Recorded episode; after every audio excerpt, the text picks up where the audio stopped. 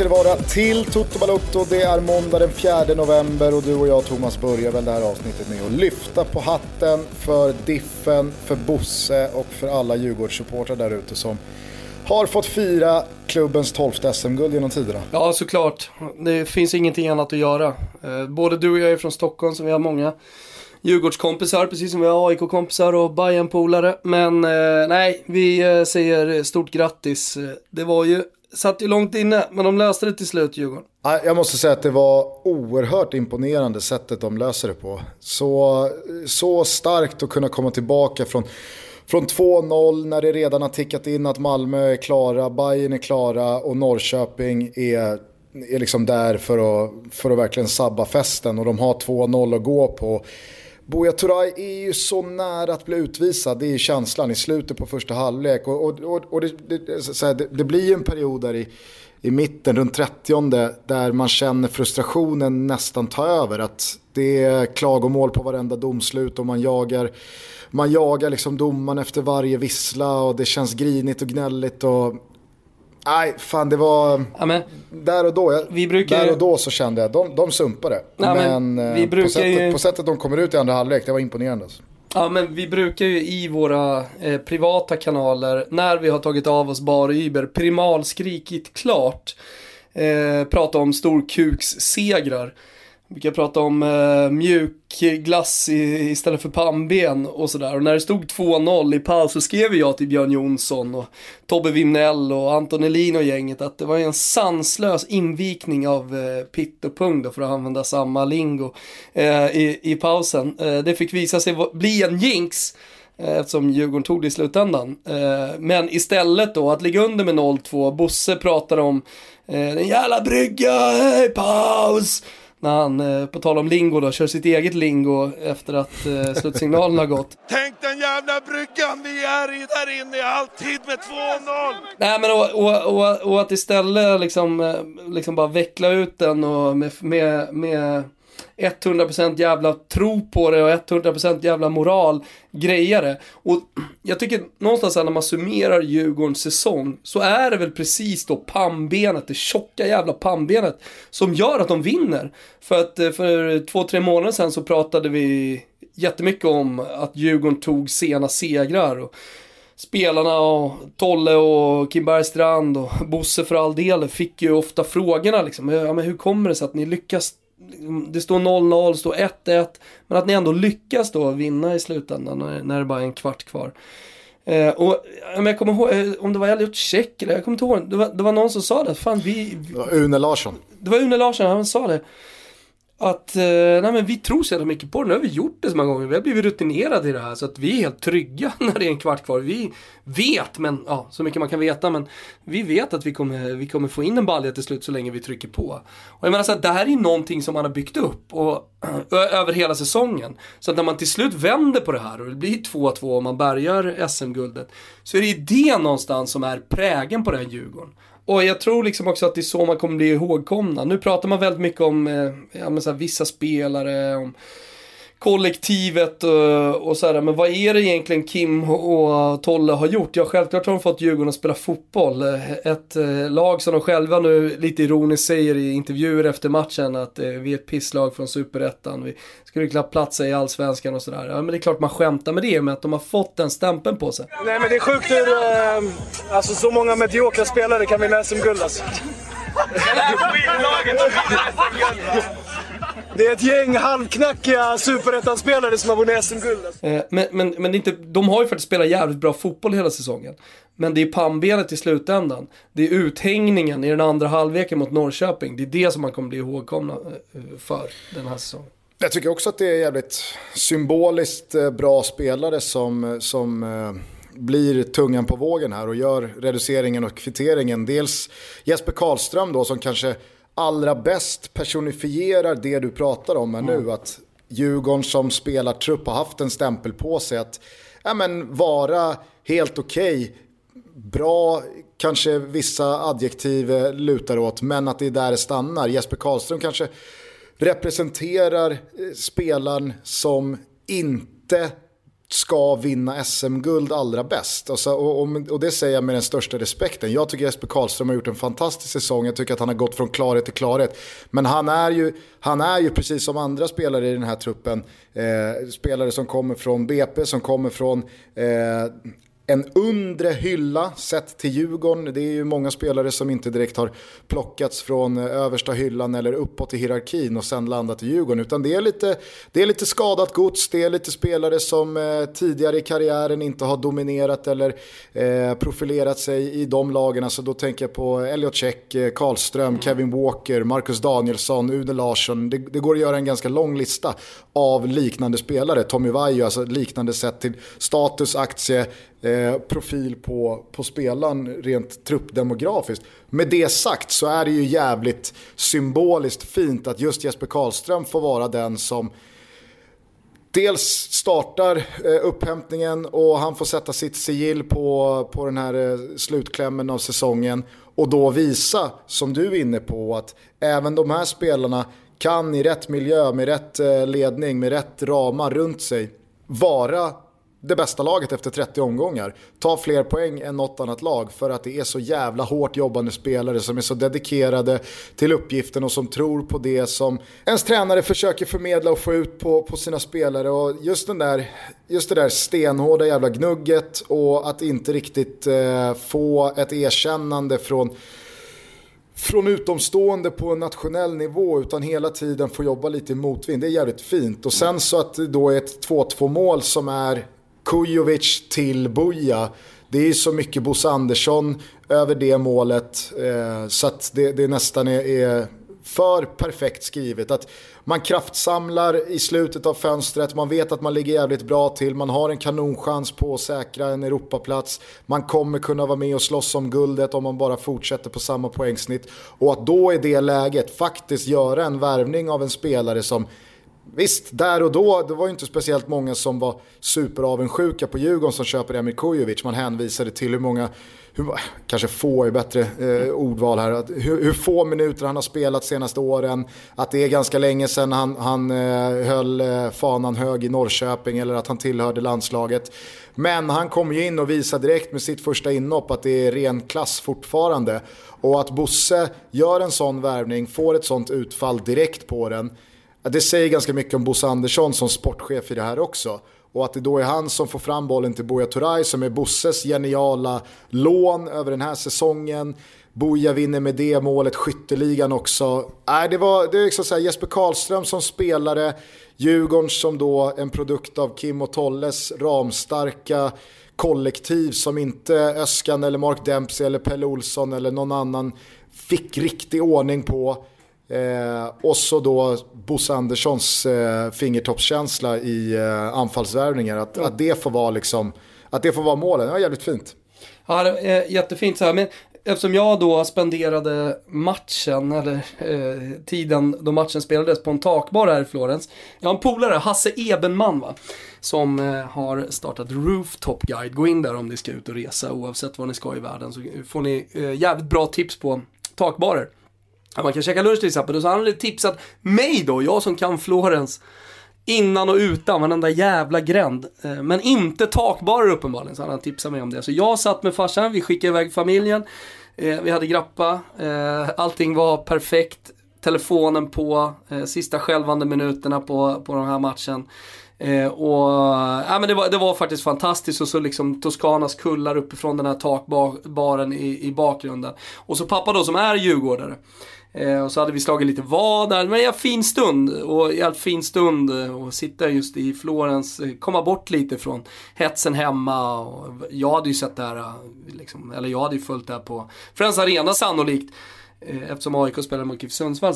Men, men hur, hur, var, hur, var, hur var hysterin bortom sociala medier? För det såg jag ju såklart. Och, Eh, vissa grejer blir virala, som Bosse efter matchen. Så här. Men hur, hur var det annars? Eh, du, som, du som ändå var, var i stan. Eh, nej, jag måste säga att det var, det var så jävla kul att se alla djurgårdare ja, men, vara ute och fira ett SM-guld man har väntat på i 15 år. Och jag tillhör ju den generationen, alltså mina polare som är djurgårdare, de var ju Alltså de var ju barn senast det begav sig. Är man som jag runt 30 idag, ja men då kanske man var 13, 14, 15, 16, 17 bast. Nej, men jag såg ju Tim Pang, alltså stor supporter som Eh, är väl någon slags ledare i, i, i kurvan där för Djurgården. Eh, han skickade ut en bild på när han var liten kid och satt med virkad mössa då från mamma och så hade han samma virkade mössa på sig. Det här SM-guldet och eh, ja men det är ju tydligt. Han var, han var en liten, liten knodd då, då, då och idag så är han en av ledarna i, i, i klacken. Nej men exakt och det var väl det som var, det var ju det som var. Och nu blir det väl inte så många SM-guld så vi får se om den där virkade mössan lever då om, om 20 år eller när de ska vinna igen. Det jag skulle komma till var i alla fall att det var så jävla påtagligt hur många Djurgårdspolare man har som fick fira sitt första SM-guld som vuxna människor. Alltså, du kan göra precis vad du vill, du har pengar, du har tid, du har möjlighet att fira det här precis hur hårt du vill. Är man 14, 15, 16, 17 bast, ja vad, vad, vad gör man? Det här har ju alltid spelats på söndagar dessutom så att man man, man, kanske åker in till stan och tittar på lite, sen är man hemma till Sportspegeln och så går man och lägger sig och så gick man till skolan och så tänkte man att fan vad, fan vad kul det var att vinna SM-guld. Det finns ju också blir... någon slags utveckling av supporterkulturen under de här 15 åren sedan Djurgården vann eh, SM-guld senast. Eh, skulle jag vilja säga, jag som ändå har, har liksom varit med som vuxen under hela den här, hela den här tiden och låt oss säga då utvecklingen. Ja, absolut. Och, och det, det märktes ju också att det var ju det var ju en helt annan, alltså nu, nu har det inte firats allt för många SM-guld från Stockholmslag. de senaste 15 åren. Det ska gudarna eh, veta Guggis. Guld. Men nej, för fan, det var, det, var, det var sånt jävla drag överallt. Det kändes som att det var djurgårdare precis eh, på alla de flesta ställen som kanske inte låg på Södermalm. Men eh, jag var inte på plats på Fotografiska, men bilderna därifrån, alltså om man inte har varit i Stockholm så ligger ju det jävligt coolt till precis vid, vad är det, Riddarfjärden? Ja.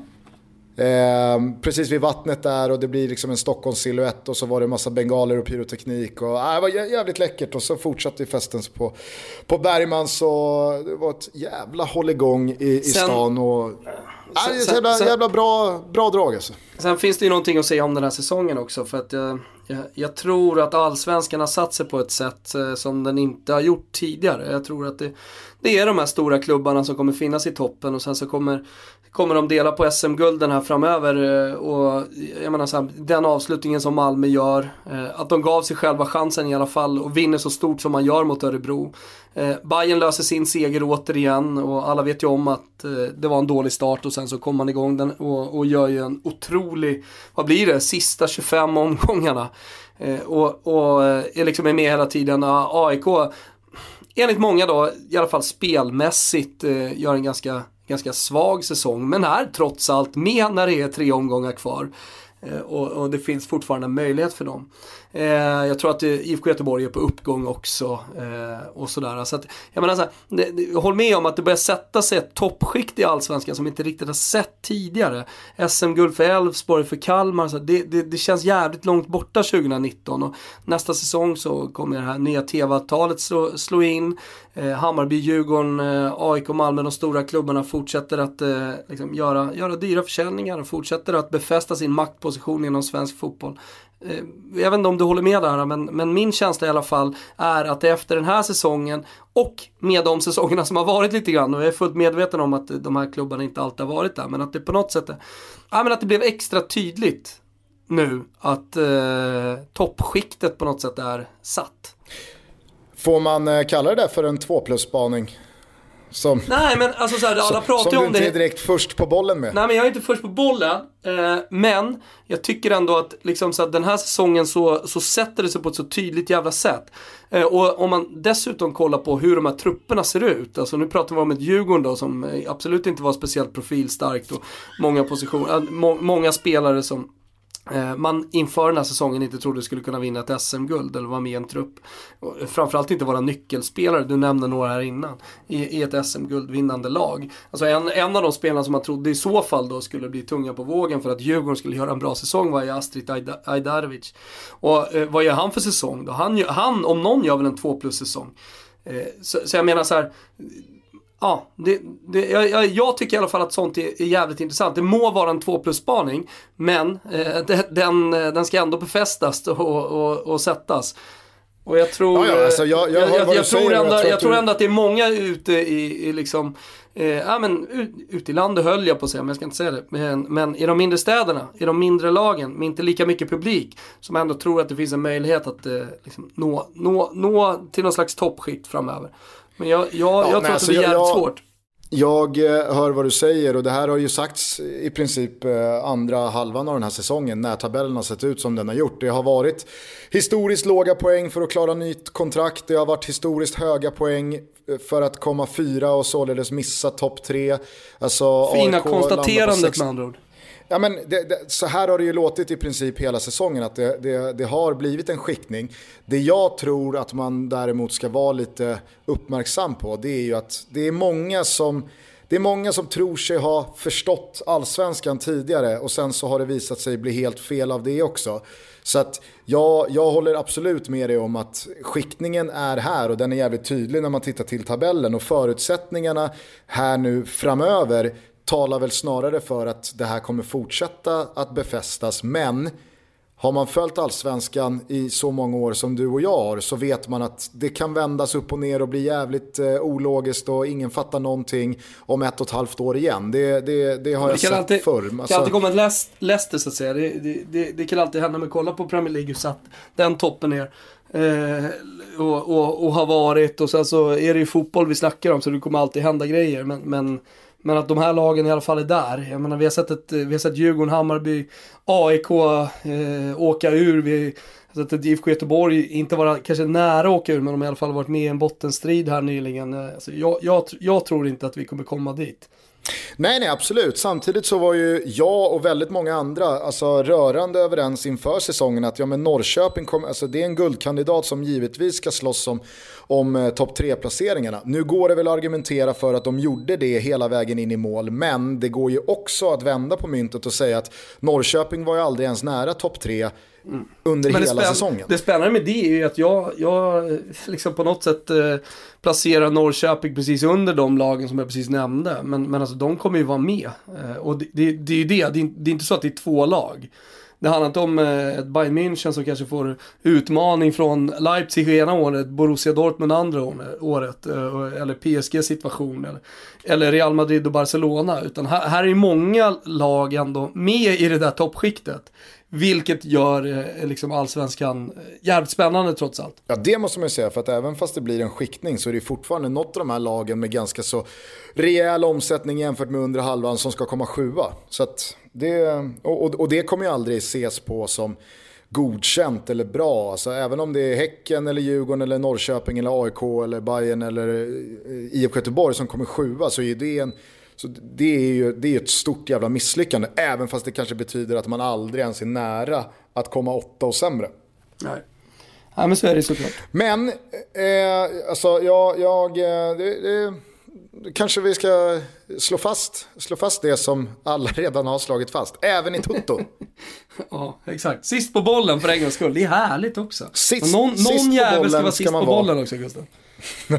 Någon jävel ska vara sist ja. på den. Nej, men får, jag bara gå tillbaka till, eh, får jag bara gå tillbaka till Djurgårdens guld och känslorna som jag, som jag tyckte var jävligt påtagliga i, i lördags där. Och det var ju de här, alltså, Djurgårdarna, så upplevde jag det i alla fall, känsla av att så här, jag, jag tyckte Bo, Bosse sa det jävligt roligt i en intervju där med Disco också, att vi är inte det bästa laget och det jag har sagt till killarna, vi kan lyssna på hur det lät. Ja, vad, vad säger du annars om eh, ja, hela killarnas insats? Nej, men jag, jag, älskar de här killarna. De är så jävla coola, de är så jävla bra. Vi är inte det bästa laget, det har jag sagt till dem. Men vi har gjort, vi har gjort det. Vi har tagit pokalen. Och jag vill ändå påstå att det här sipprar ju ut lite från Djurgården också, fast på ett sånt jävla skönt sätt att och skitsamma, vem bryr sig? Vi är högst upp i tabellen efter 30 omgångar. Då kan man prata hur jävla mycket man vill om högsta nivå och antal gjorda mål och underhållande fotboll och bäst spelare eller flest landskamper eller vad det nu är, högst spelarvärde på, på truppen och så vidare. Det är så jävla sekundärt. Djurgården har vunnit SM-guld. Nej, jag säger bara, jag, jag, jag, tycker bara att det var jävligt häftigt och nice att känna av den här energin från Djurgården. Att det inte var så här, det här är starten på en storhetstid och vi ska vinna SM-guld igen och vi ska in i Champions League nästa år. Det var väl bara Astrid som, som pratade om det. Utan att det fanns en känsla av så här, ingen trodde att vi skulle ta guld. Det kanske inte vi gjorde heller, men vi har varit så jävla stabila och vi har varit så jävla tunga och vi har inte vacklat när det har gällt som mest. Och nu står vi här som SM-guldmästare. Skit i nästa år nu för fan. Låt oss fira vårt jävla guld tycka... som vi inte tänker be om ursäkt för, mm. som vi kan stå raka i ryggen jo, jo. för. Men, det, var, men, men, men, men det, det där är ju ett underbetyg till de som ställer frågorna förresten. Eh, det, det måste jag ändå säga för att alltid efter en eh, succé eh, så kommer ju frågan vad händer nu? Och jag menar när man ställer frågan till eh, en spjutkastare, ja, ja men då, då, vill man ju bara höra att han ska dricka bärs efter eller hur han ska fira. Sådär. Men, men ofta när det gäller fotboll så ställer man frågan, jaha, hur ser ni på Champions League? Så 30 minuter ja, efter att de har vunnit. Vad tror du om Champions League-kvalet? Ja, hur känns det inför Champions League-kvalet då? Ja, vänta. Kommer jag spela i det här jävla laget? Eh, alltså först ska vi genomlida en fucking jävla försäsong. Eh, vinter, vad får vi ihop för lag? Hur kommer det se ut? Vad kommer jag vara? Äh, men du vet. Och så, och så vi kom, pratade jävligt mycket om Magnus Persson i förra avsnittet. Ja. Alltså, han går ju från att ta guld med Malmö till att inte ens träna Malmö när det väl är dags för Champions League-kval. Alltså, det, det, borde man ju alltid komma ihåg. Det är två jävla transferfönster till det är dags för Champions League-kval. Det finns ingen lottning. Vad har man för trupp? Hur inleder man i allsvenskan under våren? Alltså, Champions League-kvalet är så långt geting. bort det är så jävla eh, manglad geting till fråga, så det finns fan inte. Och de, de ska ändå komma. Alltså framtidsfrågorna, jag, jag har ju själv varit i situationer liksom, där jag intervjuat efter eh, sportsliga succéer. Inte jätteofta ska sägas, eh, för jag gör helst andra grejer eh, till, till yrke. Men, eh, men där, där, där, man ändå fått då från någon redaktör eller från någon liksom så här, men fan kolla, Champions, det är Champions League, vad känner de inför det? Vadå Champions League? För 20 minuter sen så var de inte ens i liksom, seriesegrare. Hur fan ska du kunna tänka på någon jävla kvalott mot eh, Sheriff liksom? Nej, det, är, det, det, är sånt, det är sånt otroligt underbetyg till, till frågorna. Låt känslorna komma fram ja. vilket, vilket också gör såklart jättebra. Men, men det slog mig bara för att jag såg flera som var på den frågan. Och dessutom så blir det rubriker, så det är uppenbarligen så här. Finns det ett intresse från folket eftersom, eftersom frågorna ställs från alla tidningar? Alltså, då, det, mm. alltså finns det ett ja, intresse nej, jag, jag... eller, eller har, har media helt missuppfattat liksom, vad, vad folk vill läsa om? Va, va, ja, vad är det för alltså, journalistik alltså, att ta reda på eh, någons känslor om ett eh, Champions League? Alltså, journalistiken är ju värdelös och det, det, kan vi, det kan vi ta bort. Men ibland så finns det ju då eh, eh en hunger eh, från eh, läsarna, i det här fallet tror jag många supportrar, att, att veta, eh, ja, men jag tror att de tänker så, att de vill veta hur man känner inför Champions League. Men jag tror inte det. Jag tror ingen jävla supporter som vill veta vad eh, Karlström känner inför ett Champions League-kval. Nej, alltså det enda som är relevant på det temat det är ju liksom några dagar efter att guldet har firats att fråga då en sportchef eller en klubbdirektör eller en ordförande lite så här, vad, vad, om vi blickar framåt, det, är, det blir ett Champions League-kval nästa år, man kommer ha goda möjligheter på att spela om ett Europa League-gruppspel om man nu inte går hela vägen i, i Champions League-kvalet. Vad, vad förändrar det? Alltså så här, lite mer utzoomat några dagar senare från ett högsta höns. Ja, där kan jag ju köpa att frågan fyller sin funktion, men som du säger, 12 minuter efter man har liksom hållit på att sjabbla bort SM-guldet. Då är det så här, ja, vad säger du om eh, Champions League-kvalet som stundar? Så måste, äh, återigen bara för att följa upp månader. det här. Äh, hålla den röda tråden med allsvenskan. Du kanske vill säga någonting mer Gustav. Men, men eftersom vi är så jävla aktuella så måste vi ta upp det här med att Fiorentina enligt fotbolls, Fotboll Direkt äh, ska vara intresserade av Bojanic. Och nu ser jag att alla Florens sajter eh, hakar på. Dalla Svezia, Fiorentina och Bojanic är Firenze Viola.it en av de största. Eh, och sen eh, är det roligt att de har översatt då fotboll direkt till football direct. Frågan är om den här länken funkar. Ah, ja. Eh, hur som helst att Fiorentina skulle vara ute efter Bojanic. Eh, och för 15 timmar sedan så stod jag i den mixade zonen eh, med förhoppning att jag skulle få prata med Dejan Kulusevski lite eh, och hälsa på Ricardo Gagliolo, kolla hur läget är med hans baksida och sådär. Eh, och då kom ju Fiorentinas sportchef först ut, Daniel Pradé, eh, stod och pratade jättemycket och så funderade, finns det någonting kring någon svensk, eh, ja men på tal återigen då om intresse liksom, hos läsarna? Finns det någonting man, man skulle kunna kolla? Finns det något intresse? Men jag kom inte riktigt på något så att det blev ingen fråga till Pradé. Eh, och sen så kommer Fotboll Direkt med den här. Fan, eh, hade, hade, vi kunnat synka? De vet ju väl, vet väl, det kanske är för mycket begärt, men jag är ju för fan här. hade vi kunnat vara lite schyssta mot varandra så hade vi kunnat synka så de kunnat sagt du, vi har det här, eh, liksom, vi har det här spåret. Eh, Kan du, kan du liksom inte breaka det och så kan du väl ändå kolla med, med Fiorentinas sportchef. För då hade jag ju bara ställt frågan så hade, jag, hade vi ju fått liksom ett ja, svar. Men man jag har ju sett han i ögonen och jag menar frågat om intresset. Det hade väl varit intressant. Nu har jag inte möjlighet. Det är inte så att Daniele Pradé bara är eh, tillgänglig och, och svarar på mina frågor. Så det är lite trist. Men då kanske du gör ett nytt bejublat gästspel då i eh, den där eh, Viola-radion. Där du snackade upp eh, Sam Larsson för två år sedan. Ja, exakt. Jävlar vad jag pratade upp honom.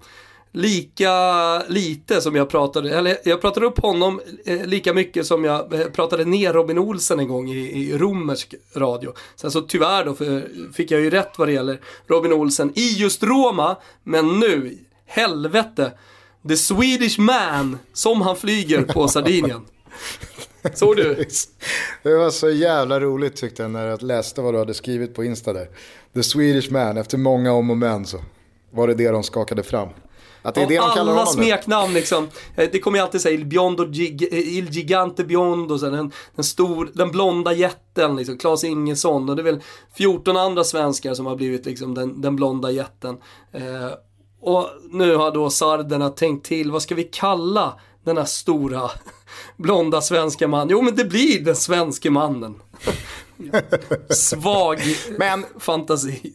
Vi, vi, eh, vi, kan inte, vi kan inte hamna så tidigt in i podden i Italien och Serie A när det nu har varit ett, eh, ett eh, svenskt eh, Kan vi crescendo här Kan- på, kan på vi? tävlingssäsongen. Nej, jag, jag undrar bara, håller du med mig kring att det ändå finns någonting nu vet jag att du är AIK och du kanske bär emot, det är värsta rivalen som vinner guld och så vidare. Men h- förstår du, vad jag, förstår du vad jag säger när jag liksom så här, det, Djurgårdarnas inställning till guldet och sätt att fira det, det var liksom a breath of fresh air. För det var inte det här, liksom så här Malmö, mästa mästarna och de, man, man fortsätter någon slags dynasti och cementerar sin position högst upp. Eh, och, eller att när AIK vann i fjol att man liksom så här, nu är vi tillbaka, vi är störst och vi är bäst och vi eh, alla hatar oss. Eh, du vet, det fanns inte den här, det fanns inte den här överdimensionerade att det, ska vara någonting mer än ett SM-guld. Så kände jag i, i, i förrgår här, att Djurgården var så här, vem fan bryr sig om nästa år? Vem fan orkar prata om eh, liksom, derbyförluster eller vem som har spelat eh, mest eh, underhållande fotboll? Vad fan, vi har vunnit guld, låt oss bara få fira ett jävla guld. Och vi tror nog inte att det här kommer leda till tio raka SM-bucklor till. Men skit i det nu. Ja men du pratar om fresh, eh, alltså ingen hade ju förväntat sig att Djurgården skulle vinna, så enkelt är det ju inför den här säsongen. Så att, alltså, någonstans i eh, att en underdog vinner en titel är ju alltid på något sätt eh, ballt. Alltså, eh, bortsett från vilken färg man är. Eh, det, det, det ger ju någon extra dimension tycker jag till Allsvenskan nästa säsong och jag tror att det andra lag ser möjligheter. Om man nu kommer in i säsongen på ett bra sätt och är med uppe i toppen. Du pratade om Norrköping, vi har TIFK Göteborg, om de startar bättre. Eh, så, så tror jag att det på något sätt gör. Och sen så, på tal om att eh, konstatera saker och befästa saker, så tror jag någonstans också att eh, vi, vi, vi kan räkna med att eh, det inte är, det, det, det, det finns inget lag som har så pass stora ekonomiska muskler att de bara kan segna iväg och bli helt överlägsna för då hade Malmö redan gjort det. Utan, eh, det krävs jävla mycket mer för att vinna ett SM-guld. Du kan inte köpa till det bara ett SM-guld i Sverige. Eh, och, och, och jag menar med de skickliga sportcheferna vi ändå har. Om du, du pratade om Bosse här tidigare men eh, Hunten i Norrköping eh, liksom som, som jagar hem Fransson som inte riktigt lyckas ute i Europa. Du har, vi har Westström som får hem Nabil Bahou i andra spelare. Jag tar bara upp några få exempel här. Eh, Lasse Vibe kommer tillbaka till IFK Göteborg. Så det finns alltid klassspelare för just den här serien som kommer kunna vända hem. Och då, där kanske allsvenskan är lite unik. Alltså då, då väger färgerna och klubbemblemet så jävla mycket tyngre än vad jag tror det gör i, i, i de stora ligorna ute i Europa. Ehm, jag såg nu nyligen eh, det här ryktet om Zlatan Ibrahimovic till Bologna som man lätt kan avfärda men då pratade Walter Sabatini, sportchefen för Bologna, om, om det här intresset och eh, om det finns något stoff i det så han, jo absolut, för att Zlatan är väldigt, väldigt god vän med Senisa Mihailovic och de pratar hela tiden. Eh, och eh, visst, det här är en svår värvning, krävs väldigt mycket pengar och det finns andra lag med. Eh, men, men, det är konkret och vi pratar med Zlatan eh, och vi kommer göra allt för att värva honom i, i, i januari. Och liksom vårt, eh, ja, uttryckte han inte så, och det blir väl, ja, det, det blir vad det blir i och med att Sinisa Mihailovic är sjuk i cancer, men trumfkort är ändå eh, deras relation. Och det är det som gör det möjligt att vi ens kan prata med honom. Och, och så det, det, sånt där är ju så jävla ovanligt känner jag, eh, ute i Europa. Men, men i Allsvenskan så eh, hör det snarare till vanligheten då när, när klassspelare vänder hem att man väljer det laget som man har närmast hjärtat. För jag tror att man tjänar mer eller mindre ungefär samma pengar. Ja, nej, det blir ju jävligt spännande att se vad Djurgården väljer att göra här nu då när, ja, men när man dels ska kvala till Europa men man också är regerande mästare, visar att man kan vara med och tävla om SM-bucklan. Fullt konkret också, alltså, det kanske var något år tidigt men eh, den, den spelare som jag tror kittlar mest och Djurgårdarna själva kanske drömmer om mest, det är nog säkert många som inte ens vågar drömma där, men det är ju Albin Ekdal va? Mm. Men som sagt, jag tror att det, det, var något år tidigt. Jag tror att Albin inte riktigt har, eh, har tänkt att vända hem eh, riktigt än. Men skulle han göra det så är det ju Stockholm och han har ju alltid talat väldigt gott om Djurgården. Eh, så det hade ju varit någonting överjävligt. Det kommer ju givetvis inte ske, men det ska bli jävligt kul att se vilka spelare Djurgården eh, riktar in sig på här. För att eh, om de hade det lite jobbigt i våras, det är säkert många som kommer ihåg det, Kjartansson eh, hamnade i Bayern trots att Djurgården var där och hög. Det var väl någon spelare till va, eh, som det var en huggsexa kring som inte hamnade i Djurgården. Jag tror att det kommer vara lite annorlunda nästa år. Ja, alltså, ja, det är jättespännande vad Djurgården gör, men det är ju spännande vad alla gör här nu. Det, det är en ganska rolig silly som vi går in i och just den här kapprustningen som, som började för ett par år sedan, där, där man värvar, äh, de stora klubbarna värvar den ena prestigevärvningen efter den andra, som man inte trodde var möjlig. Och till slut så blir man nästan lite bortskämd i de liksom, stora värvningarna. För eh, sju, åtta år sedan hade liksom Nabbe, den liksom, digniteten på spelare kommer tillbaka till, till allsvenskan så hade man ju varit nöjd där. Men, eh, men nu görs det tre, fyra eh, liksom, värvningar till.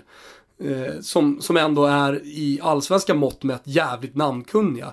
Alltså i AIK så har Kolben Sigthorsson kommit, eh, han, han, gjorde ändå mål på eh, eh, var det Frankrike eller England? Jag brukar, han kanske gjorde mål på båda, men EM 2016.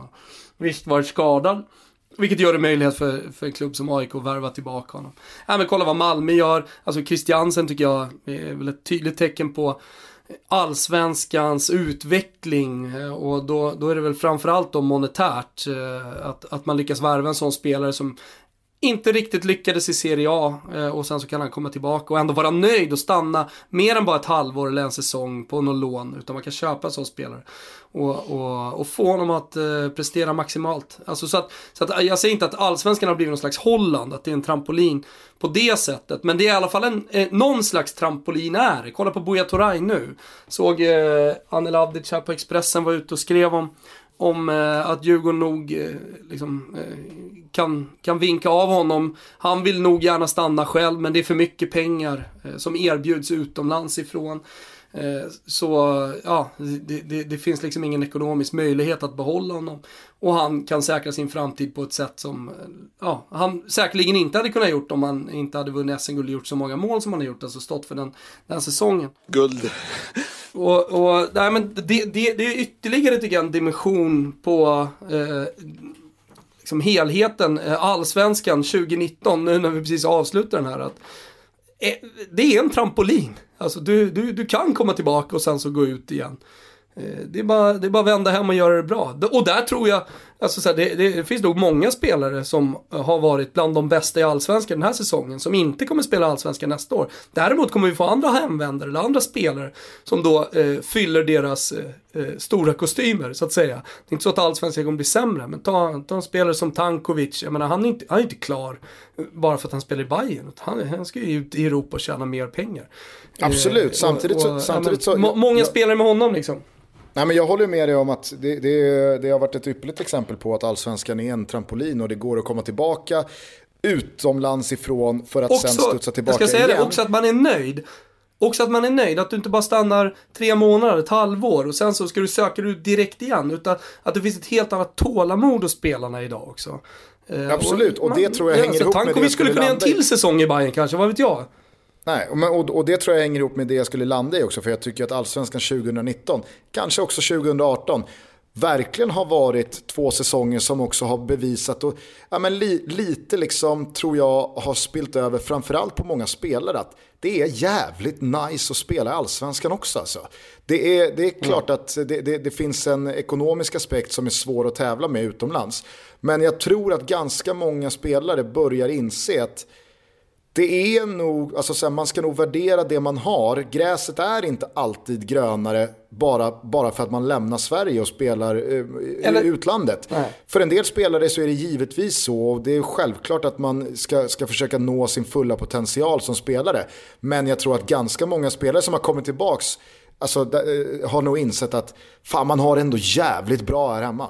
Ja, men jag tror verkligen att man har insett nu, både från agenthåll, rådgivare eh, och spelarhåll, att eh, lite, lite extra tålamod kan belönas i slutändan. Och att, att man ser lite mer utzoomat på eh, den totala karriären, på helheten. Att eh, stannar man någon extra säsong, ja men då kanske man tjänar mer pengar i slutändan. För att man, man, man, kan inte, man kan inte bara se till nästa säsong och man kan inte bara se på, på paychecken, tror jag, eller man gör inte det idag. Lika mycket som man gjorde förut.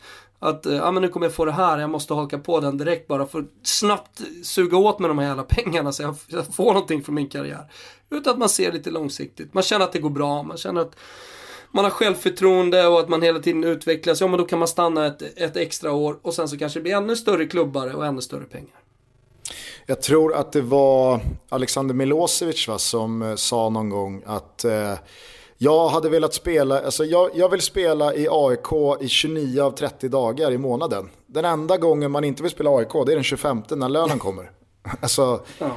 Men de andra, de andra 29 av de 30 dagarna så finns det ingenting som går upp mot att spela i sin klubb, i sin stad, alltså vara bland eh, sina vänner och sin familj. Och, vet. Då kanske det är så för Alex Milosevic och, och för, för många andra stora talanger, svenska talanger att eh, om en karriär är 2000 dagar så kanske det är bra att spela i AIK i 400 av de dagarna och, och göra det ordentligt och sen så ta sig vidare utomlands. Alltså jag tror att, tror att Nabba har insett det nu till exempel. Han kommer tillbaka som en stor stjärna. Nu har han inte riktigt fått den utväxlingen på talangen och, och allt eh, i och med skador som har varit nu under hösten. Men ändå att han ändå signar ett, eh, ett kontrakt under en, en tämligen lång tid ändå eh, för honom. Och att han känner att det kanske finns en till sejour att göra i ett Kina eller ett Saudiarabien eller vad det nu är. Ja, samtidigt som jag kan tänka mig att eh, Alexander Kacaniklic, alltså, som har kommit hem efter väldigt många tuffa år där ute, alltså där det har varit minimalt med speltid och man har frysts ut från trupperna och inte fått träna med A-laget. Och, jag menar så, alltså, e-, efter, efter tillräckligt många sådana år, att då komma hem till fulla hus i Stockholm, en bra allsvensk lön, du bor i, i, i liksom en, en stad som ändå är det, det, det mest internationella man kan erbjuda i Sverige. Att få spela i ett topplag där man gör massa mål och man får spela 90 minuter vecka ut och vecka in. Jag tror att det finns ju en summa pengar i diffen av månadslönen som jag tror är värt att ge upp för att vara kvar i det. Ja. Nej men precis, det finns, det finns ju liksom olika situationer som en spelare kan ha självklart. Kasha Niklic som du, som du nämner, han, han, han, har nog gjort sina pengar lite grann också. Jag kan tänka mig att Nabbe också lite grann har gjort sina pengar även om det finns ett kanske större sug där från honom. Eh, att, att ta sig ut i Europa en gång till. Men, eh, men tålamodet, eh, det är i alla fall större. Ja, eh, jag tycker att vi i alla fall summerar allting med att säga grattis igen till Djurgården, till SM-guldet, till alla djurgårdare som har stått där på läktaren och lidit och våndats och varit med och följt dem i vått och torrt. Det där guldet hoppas jag ni njuter ordentligt av. Och en högst välförtjänt jävla applåd till Kim Bergstrand och Tolle Lagerlöf och Bosse Andersson och Henke Berggren och äh, deras guld är det här också till 110 jävla procent också. Fan, kul! Hoppas ni ramlar ner och dör nu alla djurgårdare. Jag är jävligt trött på er. Jag tycker dock inte att man får glömma här när man summerar den allsvenska upplösningen att Falkenberg med Hasse Eklund på tränarbänken alltså löser ett nytt kontrakt på målkvoten minus 37. Mm. Och det där sista kassen man gör hemma mot AFC i 93. Alltså vilka jävla scener och vilken bragd. Och jag sa ju det i förra avsnittet där att det, det, det är statyläge. Det är statyläge på Hasse Eklund i Falkenberg alltså, som, som löser det här. Ja, det är otroligt. Tråkigt, eh, framförallt för GIF Sundsvall måste jag säga att de åker ur. Jag tycker de gör en, en, en rejäl jävla rush här och ett försök till ett great escape. Men ja, det, Nej men det, det håller inte. Alltså, någonstans får man ju alltid lida för eh, säsongen är 30 omgångar i Sverige och, och jag menar Bayern de gör det dåligt i början och i slutändan spelar ingen roll. De bara vinner och vinner och öser in mål men det räcker inte. De hade inte kunnat gjort så jävla mycket mer. De hade inte kunnat gjort mer sista omgången för det räcker inte hela vägen fram. De låg för långt efter. Och, tyvärr då, eh, för, för lite poäng. Eh, I, i, när, när, när det ska avgöras. Så att, eh, det var det är, men jag tycker att man kan någonstans också baka ihop eh, i bottenstriden i allsvenskan med toppstriden i, i superettan som blev otroligt dramatisk eh, med Varberg som levde farligt med ett Jönköping som eh, både var i Allsvenskan, i alla fall på kvalplats, och eh, utanför. BP som tidigt såg ut att faktiskt klara av det, göra livet surt för Varberg. Eller Jönköping var det de mötte va? Ja, precis. Men som i slutändan då, ja men det, det, det, räcker inte hela vägen. De har gjort en för dålig säsong. det, finns bara, det finns en situation där som, som jag kan tycka är så jävla dråplig och det är när BP gör 2-2 på övertid. Eh, jag är inte säker, men jag tror att det var 90 plus 6 så kommer kvitteringen från, från BP. Och de vet ju i det läget att de behöver göra två mål för mm. att eh, stanna kvar i, i superettan. Men det där målet, ja, det betyder ingenting för dem. De firar inte ens det där målet. Alltså mer eller mindre så är det bara liksom, ah, det är ändå kört. Men ja, ja. de sparkar ju Jönköping åt helvete med det målet. Det är ju så jävla onödigt. Så att när slutsignalen går, då lägger sig bara alla ner. 22 ja, spelare är... avbytare och, och gråter. Det är, inte många gånger, det är inte många gånger man har, upp, alltså man har sett 22 spelare sjunka ihop på gräset. Båda Men lika hade jag varit J Södra-spelare då hade jag sagt vad fan håller ni på med? Det var 90 plus 6, ni hade ingen jävla chans. Sluta göra det där målet, vad fan håller ni på med? Jag hade blivit vansinnig. Jag hade, inte, ja. jag hade inte ramlat ihop, det hade gått fram eh, på Bosse Anderssons vis och, och, och gjort liksom en halv Nelson på målskytten, vem det nu var. Tryckspark. Det var onödigt ju. Va? Håll med mig!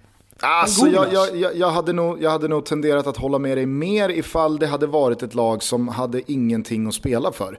Nu är alltså så här, vad, vad, liksom, det är klart att det är klart att BP Det är det som gör det här så jävla för... delikat, fin spaning. Fan, det är onödigt det där målet. De firar inte ens det själva. Ja, det är klart som du säger, hade det varit ett lag som inte har någonting att spela för, ja då är det onödigt på riktigt. Men, men att BP ändå gör det här 90 plus 6. Lägg av och spela, det är över. Låt Jönköping fira.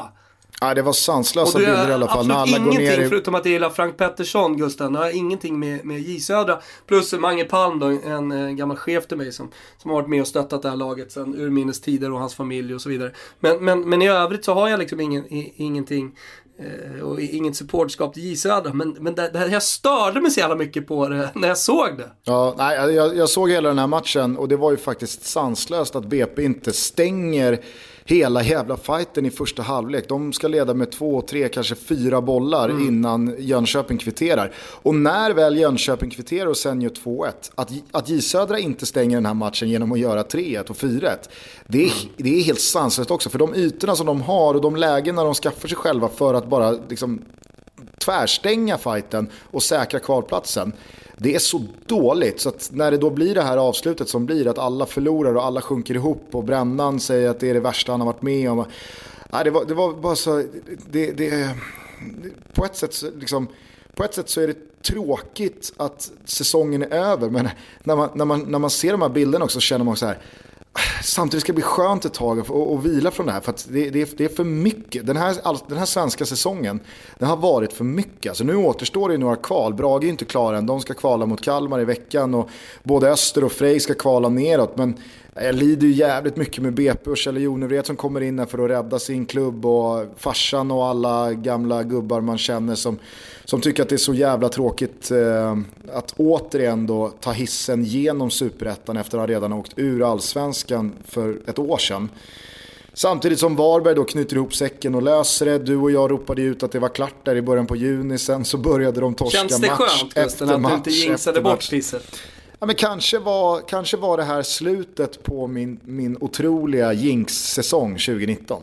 Kan ha varit, kan ha varit. Så att, nej, jag tycker att det är jävligt kul. Alltså, grattis också till Varberg som gör Mjällby sällskap och så får vi som sagt se hur det går i, i kvalet här. Men med tanke på allting som händer i, i Kalmar, hur MP fick lämna och eh, insatsen här i sista matchen mot Sirius där Sirius alltså står i fem gånger pengarna innan, eh, innan avspark och när allt är över så har man vunnit med 3-0. Alltså, Brage som ändå är på gång, att Brage går från, jag vet inte om du såg de bilderna, men de sjunker ju ihop eh, på gräset eh, på Domnarsvallen i tron om att Jönköping löser det, således så missar Brage kvalet. Och så, så ropar spiken ut i 90, även efter slutsignal när alla ligger och gråter att BP har kvitterat. Västerås med bollen. Det här kommer inte att gå för Brage. Matchen slutar 2-1. Fast det gör det. Det ser ut att göra det om det här stämmer nu. Så har alltså så har eh, Brommapojkarna kvitterat.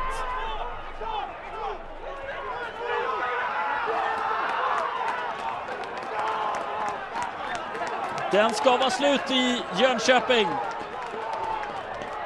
Och Brommapojkarna ska alltså ha gjort mål på i stort sett matchens sista spark. Och istället för eh, gråt och tandagnisslan så är det glädje om en, om en, en viss förvirring som pågår här på Domnarsvarv. Och alla liksom bara flyger upp och det är karnevalstämning helt plötsligt och Brage är trea och nu ska de kvala. Så att, att komma in i, i, i kvalet här nu på onsdag med den energin mot ett Kalmar som, som mår helt tvärtom. Nej, det, det, det känns verkligen som att det kan sluta precis hur som helst. Alltså. Vet du vad, du pratar om att eh, ja, men det, det är fräscht, olika saker är fräscht inom fotboll. Vet du vad det fräschaste av allt är? Nej. Det är att allsvenskan nu är slut. Att allsvenskan går i dvala. Det är fräscht. Ja men det var som jag sa, alltså, ganska mycket i mig Men känner också, fan vad, fan vad skönt att det är över här nu för ett tag. Guld. Alltså, det, det, var ju inte, det var ju inte speciellt förvånande att vissa som man följer på Twitter skickade ut en tweet igår om hur många dagar det är till den allsvenska premiären 2020 och att nu, nu är det så här många timmar och minuter och sekunder tills det är dags igen och man skickar ut att när man inser att allsvenskan är ö, alltså du vet så här, själv känner jag bara fy fan vad skönt, nu ska man checka ut ett tag från, från allsvenskan och inte tänka på det innan det är dags igen. Alltså det, det ska bli ruggigt Ja, skönt. nej, nej, nej. Och sen så finns det ju många debatter liksom som rullar under året som i alla fall jag blir jävligt trött på slutändan. Och sen så har jag full respekt för alla som för dem och tar eh, allsvenska vidare. Men eh, den, jag, jag tror också så här, alla som säger att det är alldeles för långt break och så här, så här, jag tror att allsvenskan, det är helt enkelt en fotbollsliga som behöver några månader för att återhämta sig och för att sen komma tillbaka. Och så kommer alla känna suget igen när eh, vi byter till eh, sommartid. Så att eh, vi, vi, med, med det tycker jag Gusten att vi, eh, vi sätter punkt för Allsvenskan 2020. Och så kommer vi istället då att återkomma kring eh, värvningar och prata om eh, ja, andra saker som händer. Man vet ju aldrig va. Nackas minne kanske kommer tillbaka, bara en sån sak. Vi kanske dock ska köra någon slags, eh, så här, vår, vår egen allsvenskans stora pris här nu efter eh, kvalet har spelats. Någon gång nästa Nej, vecka. det ska vi inte göra. Det ska vi inte göra. Nej, men jag håller med dig om att det, det, det tenderar att bli lite för mycket priser och årets lag och årets mittfältare och årets trebackslinje och hej och hå. Men om du på något sätt då ska, ska dela ut en liten eh, kvast till eh, allsvenskans eh, bästa spelare eller vill du ha eh, MVP eller vad, vi, vi kan väl i alla fall lyfta någon spelare. Ja men det, det är ju det som blir så jävla svårt för att det finns en MVP i varje lag.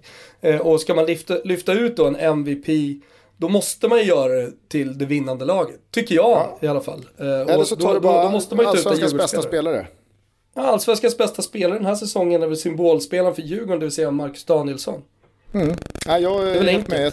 Jag tycker att vi, vi, vi, vi, vi singlar fram eh, Marcus Danielsson här. Är det någon som har tänkt på honom? Eller är vi sist på bollen där också? Förmodligen. Nej men det är ju väldigt lätt att, att ta en offensiv spelare såklart. Tankovic har gjort det bra, Djurdjic har, gjort det bra, alla, alla, alla itchare i Bayern har gjort det bra höll jag på att säga. Eh, vi, vi har ju såklart massa, eh, eh, Anders Christiansen. Som har gjort det fantastiskt bra. Det vill nog många Malmö-supportrar som skulle lyfta Rosenberg sista säsong som en fantastisk ett fantastiskt år skulle jag vilja säga för, för hans del, men det leder inte till ett SM-guld. Eh, jag tycker att det är för många brända chanser, även om han gör en helt otroligt bra säsong. Det är säkert fyra getingar, men det räcker inte. Så att, så här, så här. Och det där kan man då vrida och vända på en jävla massa. Eh, men, men jag måste ändå landa i att eh, den, den bästa spelaren måste också spela i det bästa laget och jag tycker att Danielsson har varit så fantastisk. Från ett allsvenskt lag, dessutom, och det här var innan de vann SM-guld, det ska man ha jävligt klart för sig ta sig in i en landslagstrupp. Och han fick väl speltid till och med va? Ja, ja han, gjorde mål, han gjorde ju mål efter tio minuter. Ja just jävlar, han gjorde ju mål. Hette ju, hette ju motståndet Precis. Malta, så det, det, det är jo, vet, en liten ja. brasklapp i sammanhanget. Nej, men, men, det, det, men absolut. Jag, jag, tycker att det är alldeles solklart att han, att han är MVP. Ja, sen alltså, så det är inte ens en diskussion. Rent principiellt så håller jag inte med dig om att spelaren behöver spela i det bästa laget. Alltså jag tror att det har ju funnits... Eh, Men du kan ju säsong... hitta någon jävla lirare i Falkenberg som har betytt ännu mer för Falkenbergs eh, jag vet inte om man ska kalla det för succé, men att de blir kvar i, i, i Allsvenskan. Ja, men han, han betyder mer än vad man hade kunnat ta bort Danielsson och ändå fått Ja, nej, jag säger inte att vi, bla, jag säger inte att vi, behöver, jämf vi behöver inte jämföra MVP Nej, men var ska man dra gränsen då, då? Nej, jag sa bara att det, det, det lät på det. Jag vet inte om Kim kanske kan spola tillbaka, men det lät som att du sa, ska man dela ut ett pris till Allsvenskans bästa spelare så måste det vara från det bästa laget. Men, men jag måste ändå landa i att eh, den, den bästa spelaren måste också spela i det bästa laget och jag tycker att Danielsson har varit så fantastisk. Och det håller jag ju principiellt inte med om. Jag tycker dock i det här fallet så är det väldigt adekvat i och med att Marcus Danielsson har varit bästa spelaren i det bästa laget och han har varit det på ett sätt som också brädar alla andra individuella insatser den här säsongen över 30 omgångar. Så att jag, jag tycker absolut Marcus Danielsson ska ha den utmärkelsen. Men det har ju funnits säsonger där den bästa spelaren har gjort det jävligt bra i ett lag som inte nödvändigtvis behöver vara det bästa. Så, med det så, så, kan vi väl stänga eh, allsvenskan då. Vill du säga någonting från, eh, från eh, Florens? Du var på plats på Frank igår. Tråkigt för dig att tajma in en match där Frank inte var med. Ja, jag har aldrig varit på så jävla mycket matcher så i slutändan så, så, så, spelar det inte så jävla stor roll. Alltså jag kommer komma tillbaka, jag kommer se Frank Ribéry spela fotboll vad det lider live och så, så eh, sen, sen, tycker jag personligen inte att sånt är så viktigt vilka som spelar på planen. Utan att, igår till exempel, alla matcher eh, har ju sin historia. Eh, och för mig så var det ju att ta med mina döttrar på deras eh, första Eh, hemmamatch för Fiorentina. Första riktiga upplevelsen som de kommer komma ihåg i resten av livet på eh, Stadio Artemio Franki sånger och de fick vara med och de lärde sig att sjunga dem och de tyckte det var alldeles fantastiskt. Alltså det är ju det, är det jag tar med mig från den här matchen, inte om Frank Ribéry spelar eller inte. Jag förstår vad du menar Gusten, det är klart man, ja det hade varit roligt att se honom live där. Men jag, jag har sett honom förut live, Frank Ribéry, och jag förstår att alla Fiorentina-supportrar gillar honom och sådär, men det sitter så jävla djupt den där åttondelsfinalen ska du veta Gustav. Det sitter så inåt helvete djupt! och du vet inte ens om Frank Ribéry var med i Bayern München, alltså, men, men i min värld så var han fan med. Och då är han hatad. Han, han satte väl inte samma avtryck som Robben, men uh, han var väl alltså, med. Jag, jag, det, det är så jävla subjektivt, just det här med, med kärlek till spelare. Eller hur? Det, det, det håller väl alla med om. Och eh, jag förstår ju entusiasmen som eh, Ribéry kommer med när han anländer in Riva Arno i, eh, i, i Arnos flodbädd. Jag, jag fattar hela den grejen, jag fattar symboliken med att en så stor spelare kommer och sen så gör han en bra inledning. Ny president som också kommer med den här entusiasmen och på, allt, allt, allt det optimistiska som man har saknat i en stad i tio år. Eh, men, men, men, för min del så är inte Frank Ribéry en favoritspelare och har aldrig varit, kommer nog aldrig att bli. Och sen är jag glad eh, varje gång han, han gör mål eller gör en bra prestation för oss. Men, men det är inte min gubbe Gusten, det är väl så jävla enkelt att förklara det så. Och det kommer han heller aldrig bli. Med största sannolikhet kommer han inte bli det. För han kommer inte vinna någon skådespel. Alltså så här, för att bli min gubbe, för att omvända mig, så krävs det nog att man vinner en titel. Och Fiorentina kommer inte vinna några titlar. På överskådlig framtid. Alltså har du ingen gubbe karriär. i Fio? Jo, men Castrovilli får ju nog anses vara min gubbe som, som mycket riktigt tycker jag beskrivs som en ny eh, Antonioni den största spelaren eh, efter Battistuta eller kanske till och med större eftersom han eh, lite blev stadens son och sådär och spelade för klubben hela karriären. Eh, one man club och fanbärare, kapten och allt vad det är. Eh, och eh, Castrovilli, li, lite samma typ av spelare. Och han gjorde ju målet igår. Så, så för mig så var ju det mycket större än om Ribéry hade spelat och vänt bort två spelare och skjutit upp den i krysset. Att, att jag fick se Castrovilli då, eh, som är en spelare i sin linda, i karriärens linda fortfarande. Eh, han, han, har fått sitt stora genombrott. Han har kommit med i det italienska landslaget med Mancini. Eh, och förra året spelade han Serie B-fotboll, ingen pratade om honom under hela sommaren. Utan det var liksom andra spelare, man visste inte ens om han skulle starta. Och nu gör han succé. Och eh, liksom prislappen pratas om 50-60 miljoner men han vill vara kvar. Nu har ju Rocco Commiso så jävla mycket pengar så att det verkar som att vi kommer kunna matcha andra bud på ett sätt som vi inte har kunnat göra under Della Valle-tiden. Så vi kan verkligen, verkligen behålla de här spelarna. Kolla, fucking Chiesa blev kvar. Gjorde för övrigt sin sämsta match, jag tror någonsin i Fiorentina igår. Men, eh, men eh, liksom att bar, bara de ekonomiska musklerna som visades i somras som verkligen flexades med genom att behålla Chiesa, ja men det gör ju att man faktiskt tror att sådana här spelare som är unga och som får sitt genombrott kan, kan vara kvar. Så det var det stora om vi ska prata om det sportsliga för mig igår. Jag fattar. Eh, den stora rubriken från England och Premier League den här helgen. Mycket tråkigt. André Gomes vidriga skada igår på Goodison när Everton mötte Tottenham. Det var, eh, fy fan, det, det var ett tag sedan eh, jag såg en sån där skada live. Eller i en match man sitter och kollar på och det, man, man, lär sig aldrig riktigt hantera det. Alltså det är jag har inte sett det än, ska jag säga. att se. Nej, jag tycker inte du ska se den heller om du inte liksom har en grej för sånt där. Va, att, men vad är det som, han bryter benet eller? Ja, alltså det är väl framförallt foten som, som hänger eh, helt eh, av. Eh, jag såg den är av, Everton, helt? Ja, ja, ja. Alltså det, det, det hänger det, på en det, tråd. Det är skinnet som häng, håller kvar. Någon sena. Det är Henke, det är Henke Larsson i, i Celtic. Ja. Eh, och, och, och det här föranleds ju av en jävligt speciell situation då, för att André Gomes är uppe med en armbåge i Sons ansikte bara någon minut innan. Och Son, fan Aha, som, en slags som han är. hämndaktion hävdar folk. Ja, ja, men alltså det är en, det är en ren hämndaktion. Och det är mm -hmm. det som gör det så jävla tillspetsat, för att tacklingen i sig är ju inte det som knäcker André Gomes fot. Men det är en tackling som inte har någonting med bollen att göra utan det är en nu ska jag märka dig din jävel för armbågen för två minuter sedan. Sen Men vänta, vänta så... nu, vi pratar om sån. Kan sån ja. göra sådana grejer?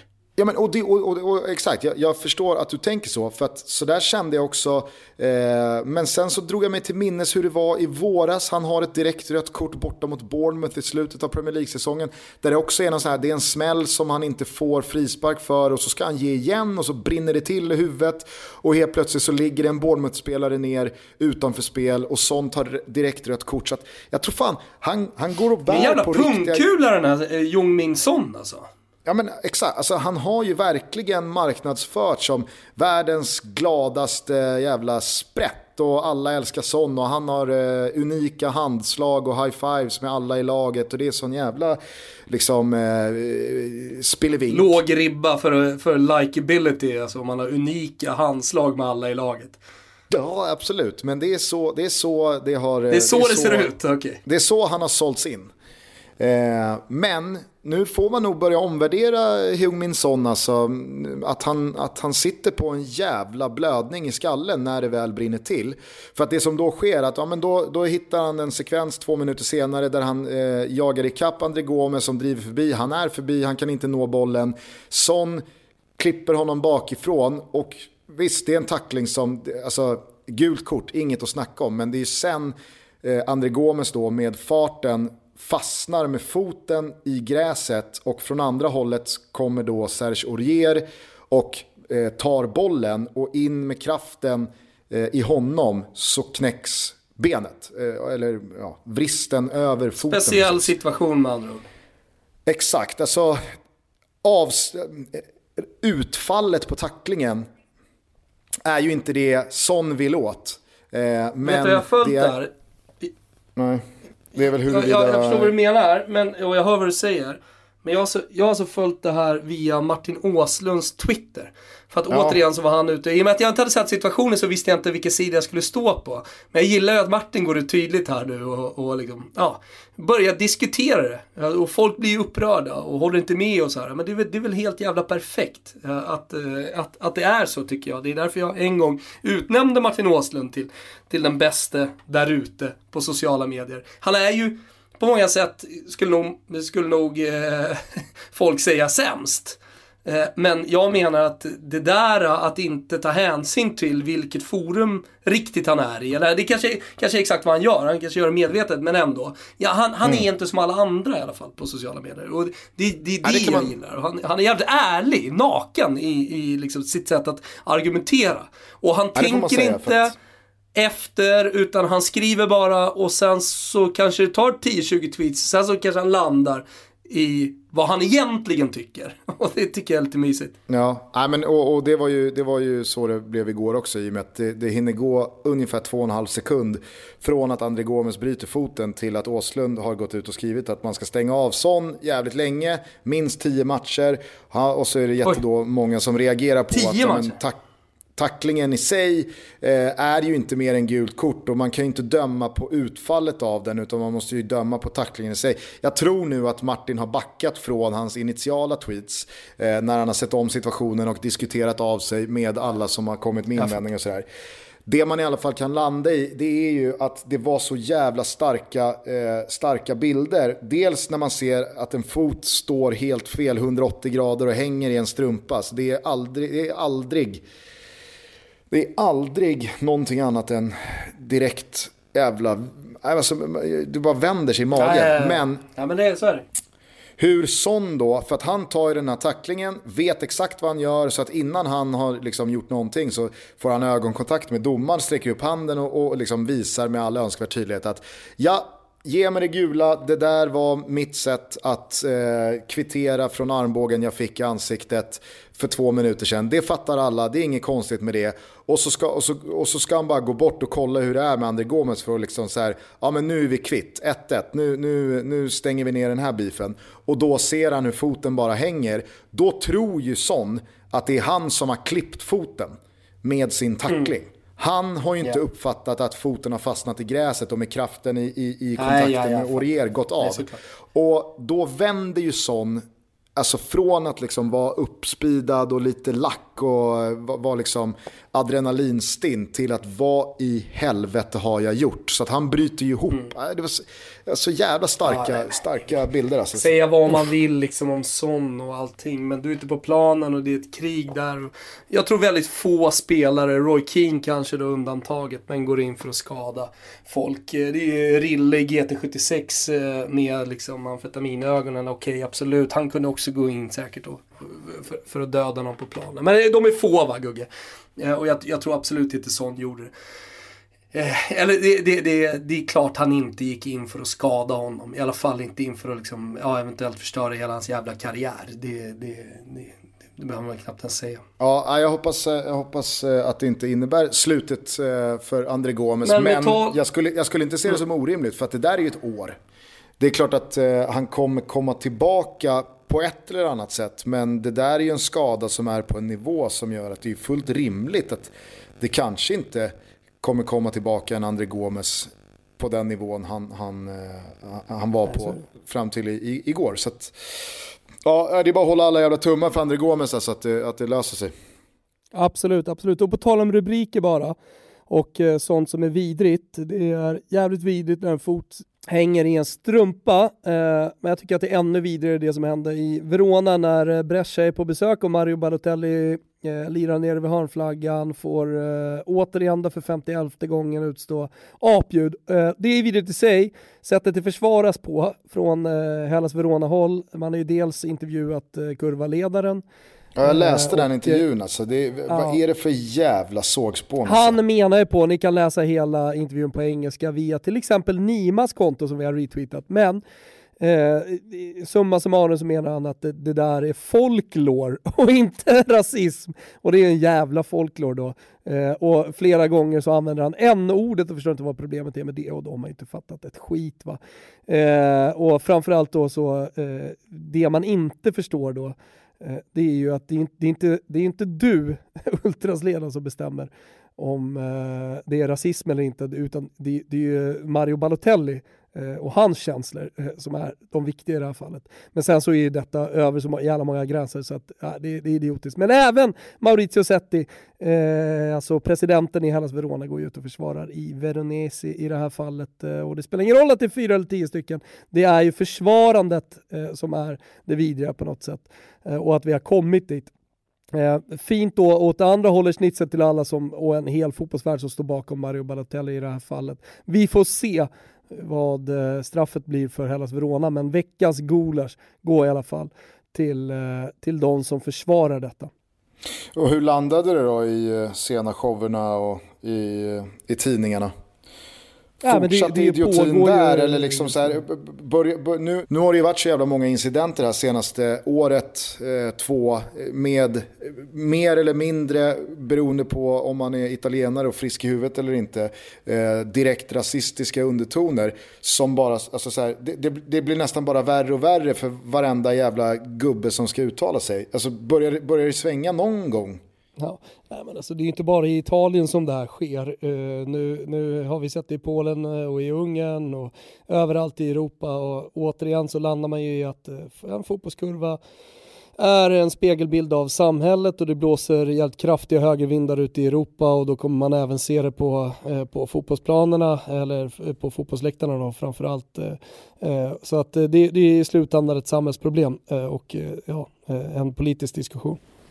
Men du Gusten, eh, roligare saker händer i veckan. Champions League, eh, den fräscha internationella fotbollsvårvinden som nu liksom bara sveper in över oss. Känner du den Gusten? Känner du hur jävla den... kul det ska bli med Champions League? Ja det ska det faktiskt. Det är ju ja. otroligt många av de stora elefanterna som ligger lite sådär halvpyrt till som inte får eh, snubbla mer. Så att, äh, det här ska bli kul. Vi har ju eh, knoppat ihop en trippel tillsammans med Betsson. Ni hittar den under godbitar, boostade odds. Eh, och i eh, Dortmund-Inter, Gusten, där tror vi på mål. Yes. Det är en fartfylld historia. Det är ju hårt om avancemanget i den där gruppen. Barca har ju gjort sitt mm. på sin kant. Så att efter förlusten på San Siro så behöver ju Dortmund, de behöver ju slå Inter här nu samtidigt som Inter visar form framåt med Lukaku och gänget. Så att över 2,5 på Westfalen.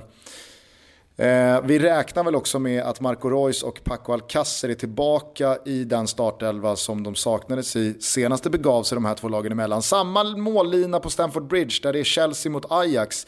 Chelsea vann ju med 1-0 på bortaplan, men de som har följt Chelsea under den här säsongsinledningen vet att det rinner till både framåt och bakåt eh, betydligt oftare än vad man spelar 1-0. Så att eh, över 2,5 mm. där också. Avslutningsvis, Napoli gör jobbet och slår Salzburg hemma på San Paolo. Ja, jag tror det. Eh, jag tror att de gör det alltså lite så här som har halkat efter i ligan. och har De, De Laurentiis skickat ut laget eh, till ett retiro. Ni vet, de ska umgås bara med sina lagkamrater och staben i en vecka fram till nästa ligamatchen. Och sen så är det ju lite sådär, man kan ju faktiskt rädda säsongen lite genom att gå vidare från eh, det här gruppspelet. Jag tror att man knyter ihop det och gör en riktigt jävla bra match. Ancelotti, Champions League-coach, löser det. Mm. Så att rak seger för Napoli mot eh, Hålands Salzburg. Eh, den här trippen hittar ni som sagt under godbitar och boostad. Så så ryggar ni med 148 spänn i hashtaggen Toto-trippen. Och på tal om Champions League Thomas, Toto Pepsi avgjordes ju förra veckan men vi fortsätter ju tävla ut superpriset tillsammans med våra vänner på Pepsi. Nu genom deras eh, nya mobilspel där man ska sätta straffar. Så att eh, gå in via den länk som vi har skickat ut eh, på både Twitter och Instagram. Tävla och försök bli the Pepsi Max Champion. Eh, då kan man alltså vinna en eh, resa till Madrid, Santiago Bernabéu och Champions League-matchen mellan Real Madrid och PSG. Det är helt otroligt vilka priser Pepsi skickar in i potten. Hörni, som sagt, vi stänger snart ner eh, det svenska fotbollsåret men det återstår ju ett allsvenskt kval mellan Brage och eh, Kalmar. Det här ser ni givetvis på Simor, men sen rullar ju fotbollen vidare hela långa vintern där. Det är Serie A och det är La Liga och det är MLS-final här nu för fan. Eh, Gurra Svensson kan ju lyfta bucklan som Fribben gjorde med, med samma Sounders för några år sedan. Så att, Han måste man ju säga har ju verkligen steppat upp när det har varit de viktiga matcherna. Fan vad han är... Alltså Gurra Svensson, det är det han är. Stor i de stora matcherna. Eller? kanske. Kanske. Ja. Vi får väl se om han är det i eh, MLS-finalen i alla fall. Teckna ett abonnemang hos Simor. Vi garanterar er att ni inte kommer ångra er. Eh, och jag känner Thomas en eh, pur glädje över våra fina samarbeten med våra sponsorer. Ja, samma här Gusten. Vet du vad jag känner pur glädje för också? Nej det är att jag nu ska gå ut och så ska jag fetta på med det sista. Alltså jag är fet som en jävla julgris alltså. Jag har svullnat upp och så är jag redo för slakt när jag kommer hem. Så jag bara går direkt ner till Daniel Crespi i hans eh, matkvarter i Gamla stan så ska jag bara säga det till honom. Slakta mig! Lägg upp mig på tallriken! In med ett äpple i käften bara. Ja. En sista lampredott och lite inälvsmat. Vem vet, kanske två flaskor vin som får avsluta den här fullständigt vräkiga matweekenden som jag, som jag har genomlidit, eller på att säga, men som, som, jag har uh, som jag njutit av. Ja, krama tjejerna, ha det så bra sista tiden i Florens så ses vi snart igen. Och vi hörs snart igen. Toto Balutto rullar vidare som alltid. Julgrisen säger ciao tutti. Ciao tutti.